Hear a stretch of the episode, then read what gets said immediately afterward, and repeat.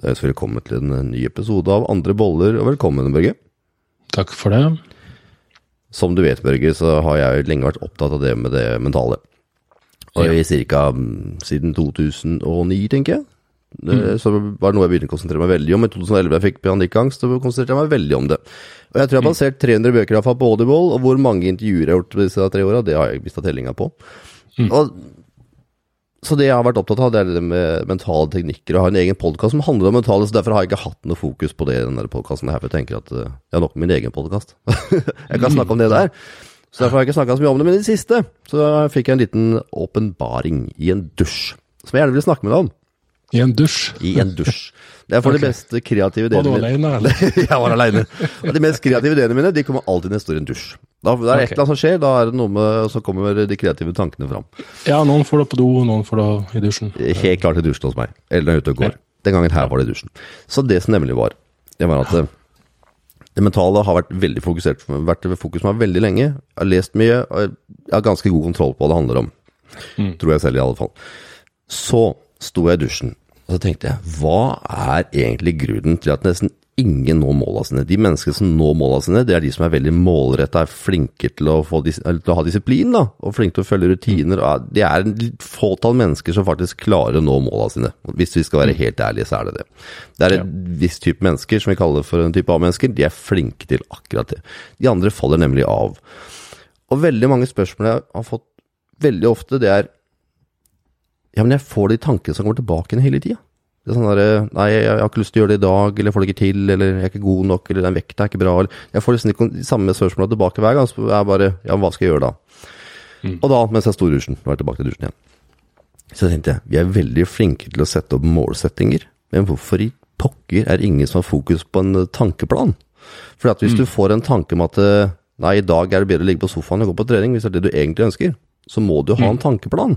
Det vil si at når tanke A dukker opp, så må du ha en plan for hva du skal tenke når tanke A kommer opp. Og jeg tror årsaken til det er at jeg tror det er mange som ikke har fokus på hvordan hjernen vår egentlig er satt sammen. For hjernen vår er jo veldig den er jo veldig plast, plastikk, da, så du kan jo på en måte Ja, forme den veldig.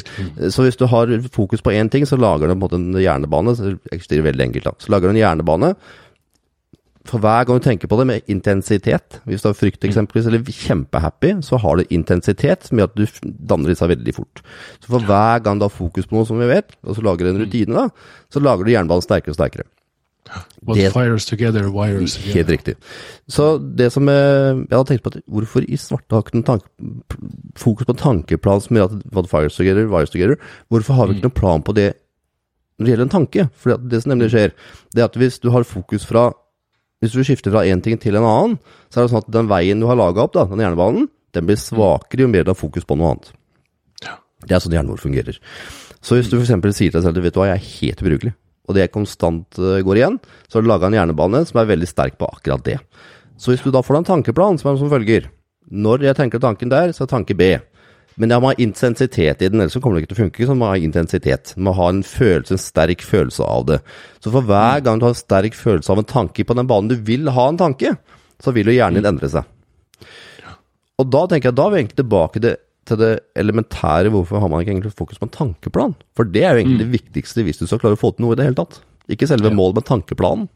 Så derfor vil jeg starte med en tankeplan, Børge. For jeg tenker at det, når vi nå er rundt jul, nyttårstid, når sommeren, når du hører på denne episoden, her, da, så er det tankeplanen du må ha i fokus. Og så målet, da, selvsagt. Hva tenker du om det, Børge? Hva tenker jeg? Ja. Um, jo, eh, jeg har, eh, jeg har jo vært innom det temaet med mange kunder. Um, for hvis vi ser på Der har vi vært innom også tidligere. Men hvis vi ser på de som regel har størst suksess, så er det jo de som har en sånn veksttankegang. De som fokuserer på prosessen, de som fokuserer på det daglige. Um, som egentlig bare lærer seg til å bli glad i det de holder på med. Og mange blir da så glad i det at de blir også skikkelig gode i det. Eh, men, men det er helt riktig da du sier at uh, veldig mange blir stoppa av sitt eget begrensende tankesett. At det er alltid det samme sporet som går igjen. Eh, og da er det jo også litt sånn ironisk, kan du si, at eh, mange er veldig innstilt på og veldig åpen for og eh, har stor tro på at de kan oppnå en fysisk endring. Men med en gang du begynner å snakke om det mentale, så er det veldig mange som blir sånn Nei, det kan jeg ikke endre på. Det, det går ikke an. Det begynner, å- begynner, begynner å endre seg, det, eller? Sånn har det alltid vært. Jeg har alltid tenkt sånn. Jeg har alltid Ja, det er sant. sant? Og så er det jo, jeg leste senest i går at um, den oppfatninga om at du på en måte har en viss personlighet sånn Du har jo det Big five-tastene og forskjellige personlighetstester som da skal definere hvem du er som person. Eh, der ble det gjort en studie på tilbake til 1930, tror jeg. Da intervjua de flere tusen 14-åringer. Sånn eh, veldig eh, utvida testa sju ulike personlighetstrekk de så på. De endra seg fra 14-årsalderen, de. Stemmer det? Jeg leste noe på forskning på det nå. Så, Ja.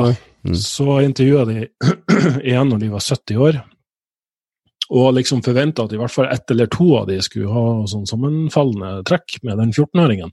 Det var ikke overensstemmelse i det hele tatt. Det var som om det var to helt forskjellige personer.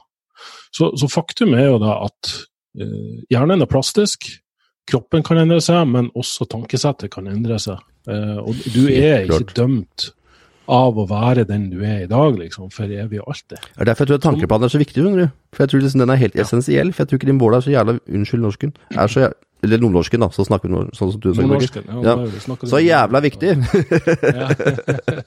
Jeg tror den planen for hva du egentlig skal tenke i det øyeblikket ting oppstår som du ønsker å gjøre det med, tror jeg er veldig viktig. Lars da Børge Ausland som nå, sammen med Mike Horn, som nå har vært ute i, ute i Isødet. isødet i 80 dager.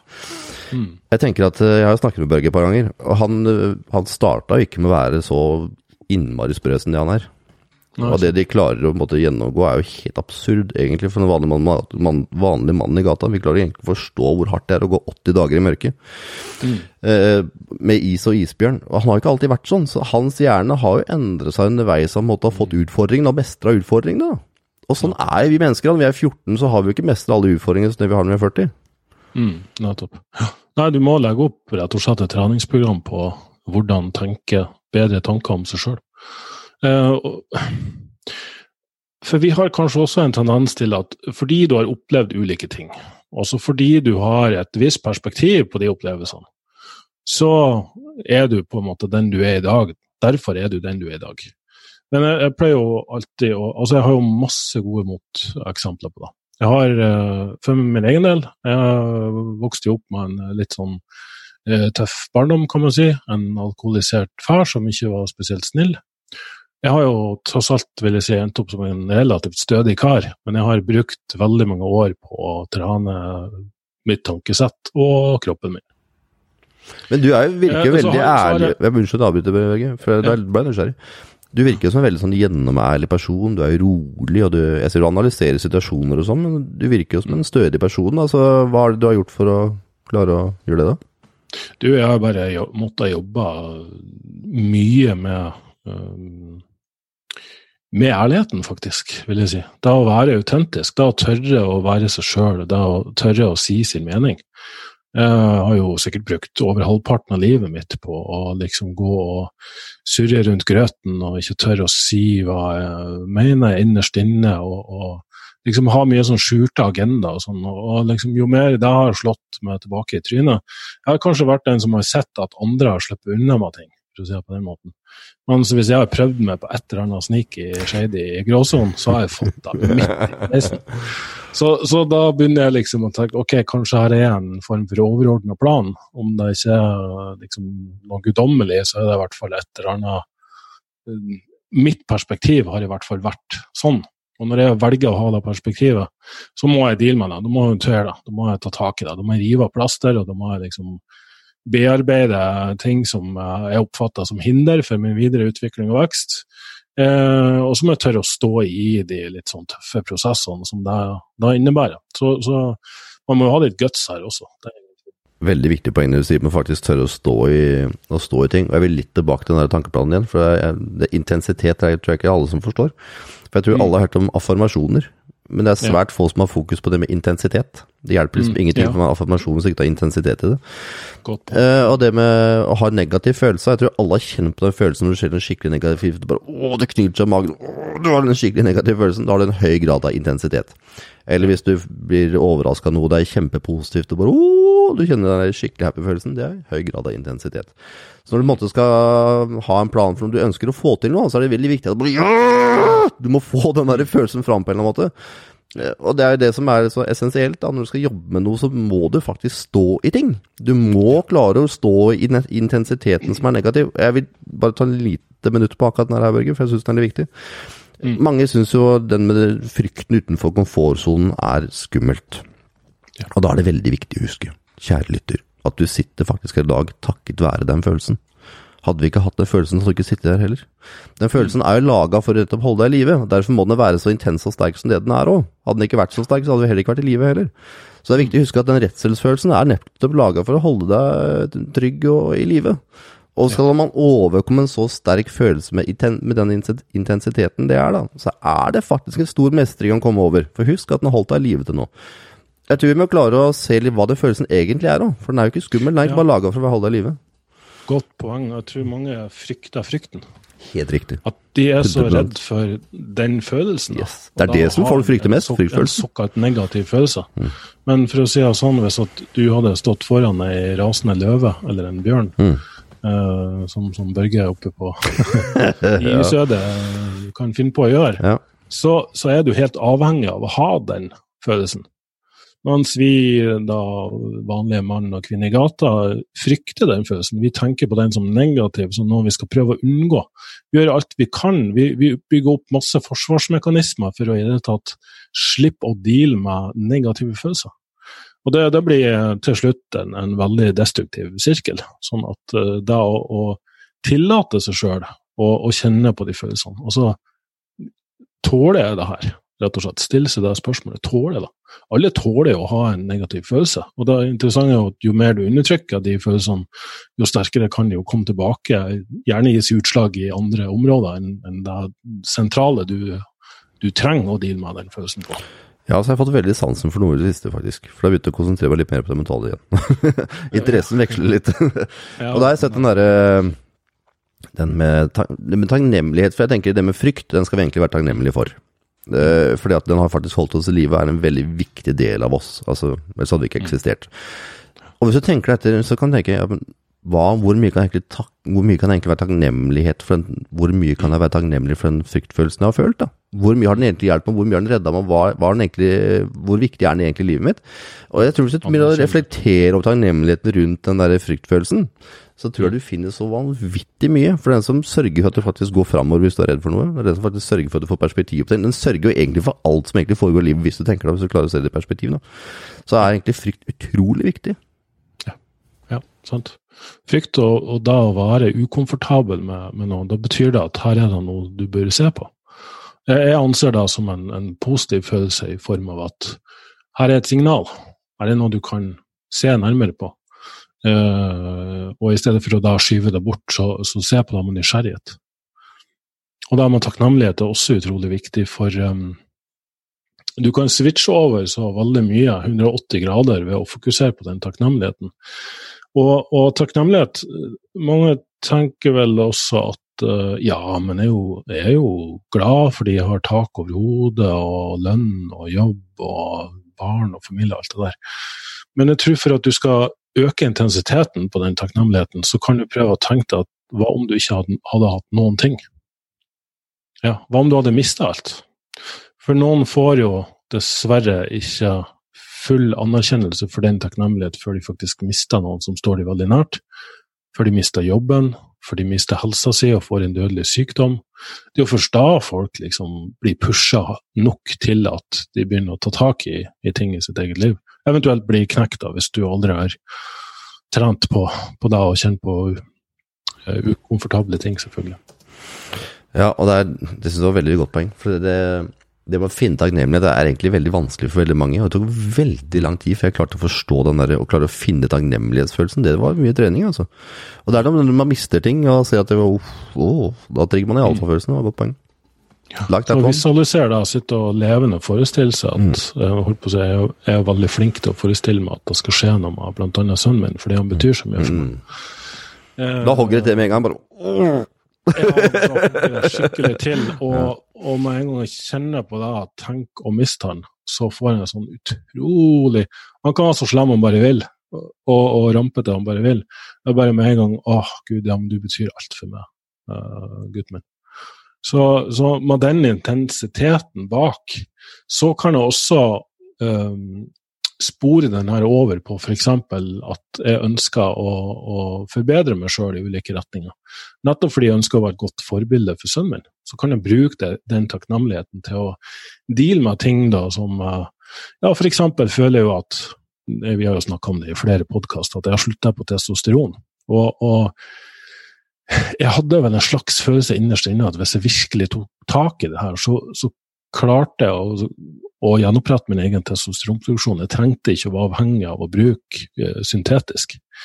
Um, men for at den skulle den, den, Det å deale med akkurat den Jeg vil jo ikke si at jeg levde på en løgn, for blodprøvene sa jo at jeg hadde jo for lave nivå, men det var delvis selvsabotasje som var involvert her.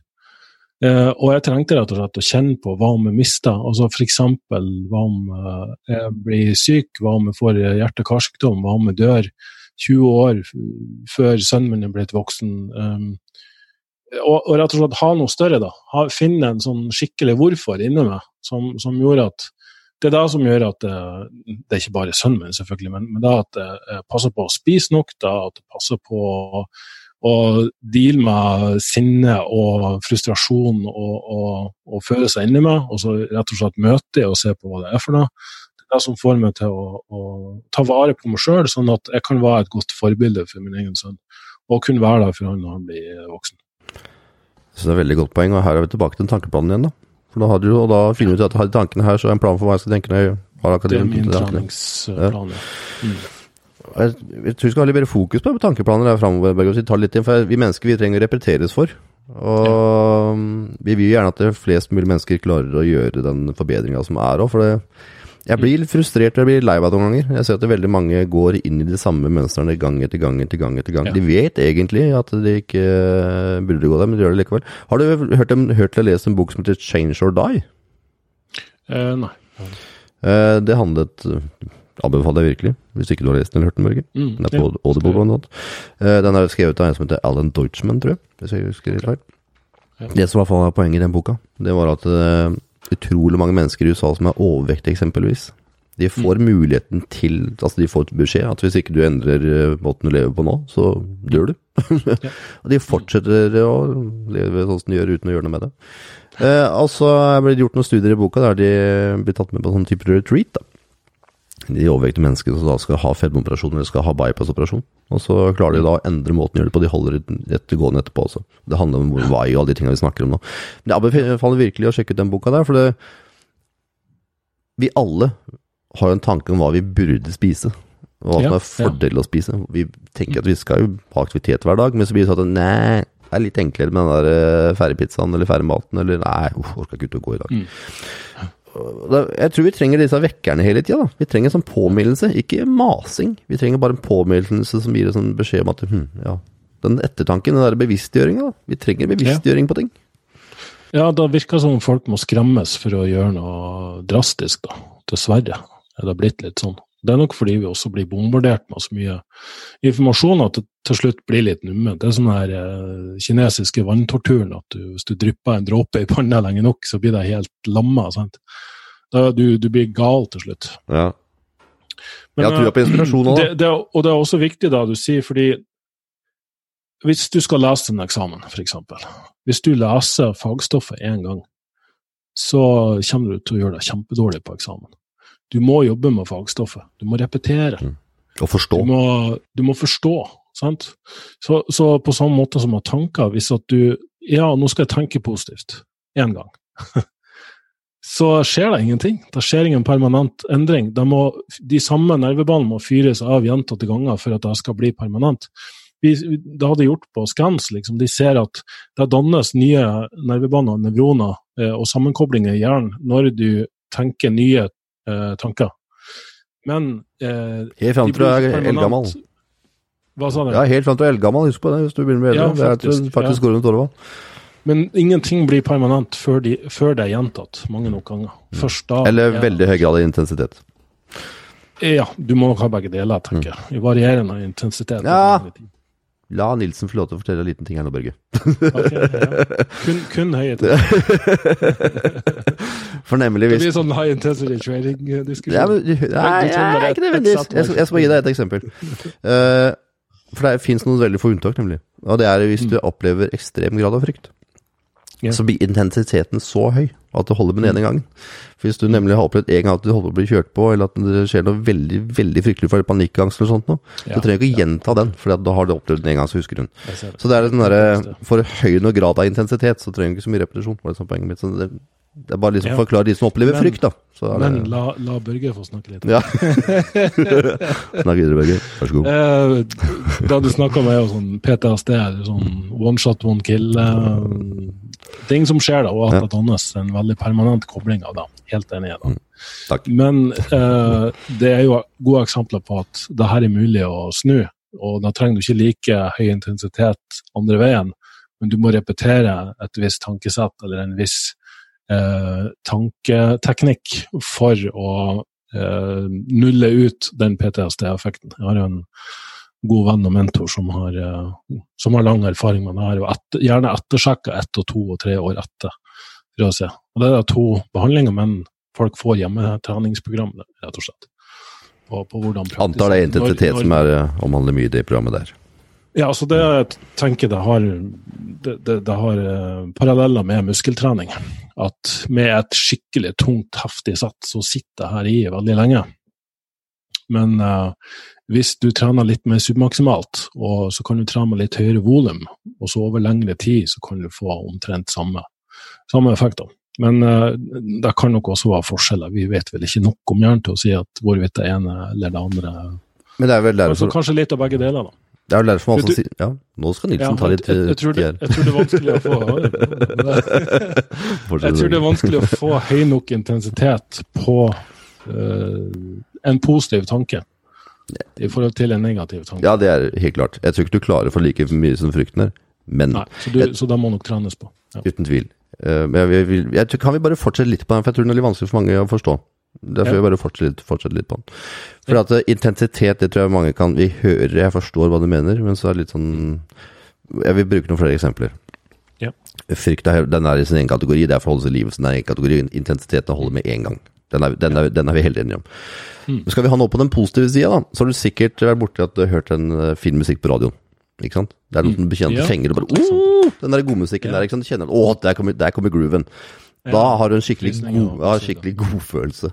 Og Ja. og bruke den godfølelsen av den liker jeg. Hvis du bruker den godfølelsen der som intensitet, så får du mye mer ut av å bruke den godmusikken, intensiteten der, kontra å Ja, jeg føler altså, Det er en ganske høy grad, da. Da trenger du ikke repetere den like mye som hvis du har en lavere grad av intensitet. Så Derfor sier man som regel at du trenger fra 66 til 120 dager før du har en ny rutine. Mm. Det avhenger altså selvfølgelig av intensiteten i det du gjør. Så jeg liker veldig godt bruke den musikk du liker, få den groove, den der, den der, der. Yeah. Eller at du bruker pust. om Den, hvis noen har sett på Tony Robbins her, så at han bruker veldig mye intensitet og musikk. Og det er akkurat derfor for å få opp den følelsen. Så hvis, jeg håper det kanskje ga litt mer mening, og jeg er enig med Børge at man trenger da å repetere, men man må, repetere med høy grad av intensitet. Mm. Hvis, du skal få, hvis du skal få effekt, da. Det er jo noe, nå blir det her kanskje litt uh, ute på kanten. Nei da, fyr løs. Kommer fra en nordlanding. Ja. Seksu seksuell intensitet. Ja. Den uh, er det jo faktisk uh, jeg holdt på å si både teori og praksis rundt Mm. at du kan utnytte når du får en orgasme, og, og, og styre tankene i, i riktig retning. Det er det første jeg hørte, Børge. Da må du utdype. Kan du det? ja, veldig fin måte å bruke identitet på. Ja, jeg kjenner en som har en bror som en søskenbarn som har kjæreste som opplevde det her. Nei. Ja.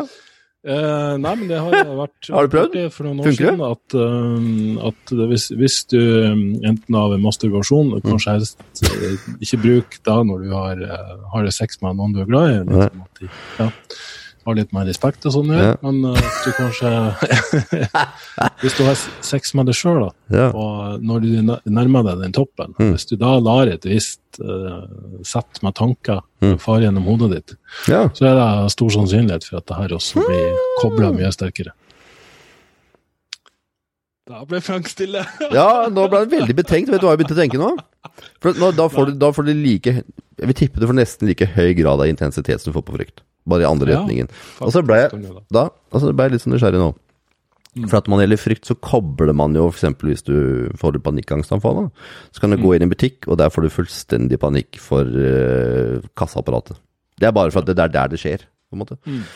Og da lurer jeg på, når vi da bruker din eh, andre del delen av skala, Børge, så tenker jeg, blir det sånn hver gang da den uh, utløsninga kommer, så begynner jeg å tenke på ting som ikke har noe til det hele tatt? Begynner jeg da, begynner, for da begynner jeg å lure, skjønner du, begynner jeg da å trigge på alle andre ting. Blir Ja, veldig teorier rundt din første seksuelle opplevelse, liksom lenge før du kanskje bevisst seksualitet. Ja. Den, eh, da, da kan trigge eh, ulike fetisjer og perversiteter. Da. ja. Sånn at um, Ja, kanskje bruk den litt. ja, jeg har ikke det sånn. Men ikke sånn, hvis det her brukes til å, å liksom tenke Å, jeg er en, jeg er en herlig person. En person som er verdt å være Mm. Glad i. En person som fikser ting. En Yes. person som får til ting. Ja. Why not? Hvorfor ikke ha en orgasmisk følelse rundt det? Jeg er enig i det, Børge. Det er veldig fin måte å bygge selvtillit på. da. Så, og meditasjon også, vet vi jo. Ja. Eh, jeg driver jo nå og, eh, holdt på å si, gjenbesøker EFT, Emotional Freedom Technique, Ja. Eh, og lese litt forskning rundt den. og at den... ja, han som skrev, eh, skrev Mind to Matter. det. Ja, stemmer. Dawson Church. Mm. Åh, bra bok, forresten. Ja, veldig bra bok. Eh, anbefales Mm. virkelig. Ja, den, den gjør at du også får troa på endring. Mm. Du får troa på at hjernebølge, hjernefrekvens Det var det som trigga min interesse tilbake. du. For jeg har vært litt sånn smålei Ikke lei, men jeg har kanskje ikke interessert meg like mye som det jeg gjorde før.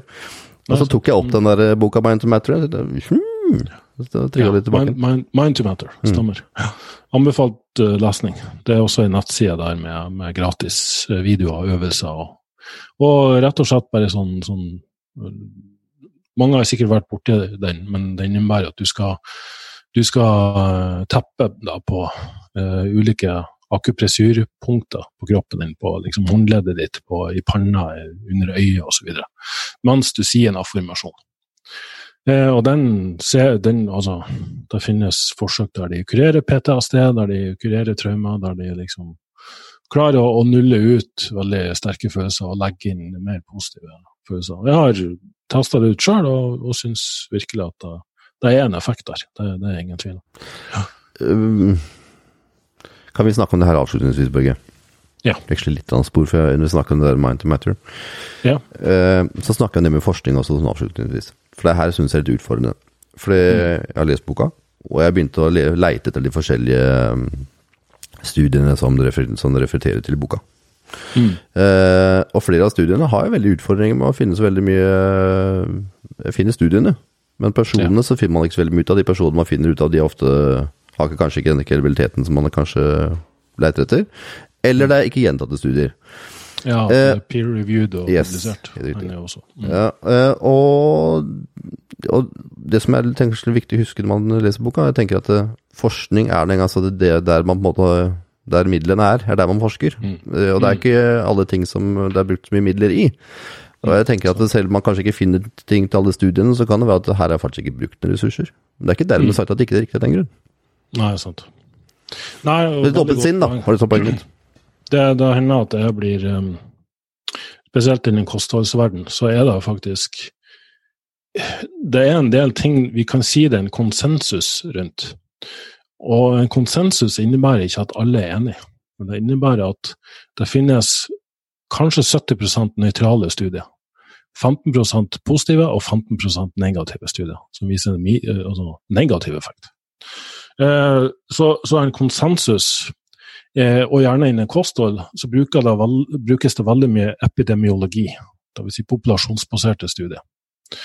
Eh, og der spør de folk om hva de husker at, at de har spist, Mm. gjennom en årrekke. Mm. Husker du hva du spiste Nei. på mandag forrige uke? Så, og, og dermed så får du så mange usikkerhetsmomenter der du skal prøve Nå nylig var jo det her rundt, rundt eh, kjøtt, hvorvidt kjøtt var farlig og skadelig og ga det kreft. Plutselig så var jo kjøtt greit igjen. Fordi samme data var blitt sett på med en annen statistisk modell. Og dermed så fant de ikke de enorme risikofaktorene som de gjorde. Hvis de fjerna mye epidemiologi og så på kontro mer kontrollerte studier, så var det ikke så store avvik likevel. Eh, sånn, sånn at um, når, når du da f.eks. Uh, sånn som jeg og Stian i, i forrige gangs podkast. Vi, vi, har jo jobba med med folk i snart 20 år. Og har Norge i veldig mange år. Og vi har funnet ut ulike modeller, ulike ting som fungerer på veldig mange. Vi ser det går igjen at ok, hvis vi gjør det her, så fungerer det veldig bra når du begynner å se individet, begynner å se på mennesketyper, eller du begynner å se på ulike markører. Og med en gang du prøver å skrive en artikkel om det her, med en gang du prøver å dele det her med et større publikum, så blir du møtt med hvor er studiene? Ja. Og her er jo en metaanalyse som viser at det og det er skadelig. På 70 000 personer som prøver å huske hva de har spist forrige uke. Skjønner du? Ja, og jeg skjønner så, så, så, ja. jeg tror det her Så det, det, det er vanskelig. Det er ofte litt vanskelig. Ja, altså For de som ikke er så veldig inne i forskning, da, og alle er jo ikke det, for alle har ikke tid til det, eh, så tror jeg kanskje ikke mange vet hva forskning, altså den type forskning er basert på heller, og det er nettopp spørreundersøkelser. Det er ikke sånn at vi går inn og tester på hvert enkelt individ. Her er det veldig mye spørreundersøkelser, eh, og det er man kanskje ikke klar over. det er sånn det er mye Nei, kostnaden ved å ta mange nok personer til at du får en statistisk uh, signifikans på en metabolsk sengepost, som det kalles, der du isolerer folk, og de kun får spise det de får servert. Sånn at du kontrollerer for alle faktorer, inkludert aktivitet, røyking, alkohol, livsstil for øvrig, tankesett. Ikke minst. Ja, det er så å si umulig, og koster fryktelig mye. Så, så, vi må i stor grad ta kvalifiserte gjetninger. Så, så, når folk blir altfor bastante innenfor kosthold, så, så må man ha det litt i bakhodet. Ja, det her gjelder jo ikke bare kosthold, det her gjelder veldig mange typer studier. Det gjelder mange andre ting. Ikke Så, så- mental trening og, og da den boka vi snakker om, der er det nok veldig mye sånn upublisert uh, studie. Så åpent sinn er vel det vi prøver å komme, litt, eh, komme fram på slutten av Børge, at man uh, uansett trenger å ha et åpent sinn. altså, trenger ikke å ta altfor god fisk, men fremdeles ha et åpent sinn, og, og la det inspirere Mm, til å teste ut, og, og gjøre ting på egen hånd og se om det fungerer for deg. Veldig godt poeng. Og så håper vi du fikk litt uh, inspirasjon av Børges uh, gode eksempler på høy grad av intensitet. Det, og så håper vi fikk noen, fikk noen tankevekkere, en tankeplan, og brukte for en tankeplan. Masse abonnementer på Porntuber. Så tusen takk til nordlendingen, som alltid er herlig. Og gi litt Ja. latter og hygge i podkasten. Det liker vi, Børge. Vi liker, det. jeg liker veldig godt den veien her podkasten går nå, altså. Så Ja, og de som ikke liker det, de hører vel ikke på. Nei, de hører på noe annet likevel. Så for deg som hører på, så tusen, tusen takk for at du hørte på. Og inntil neste gang må du gjerne sende forslag til tema og tips til podcast at myrevolution.no. Ha det bra, Børge. Ha det bra, Frank.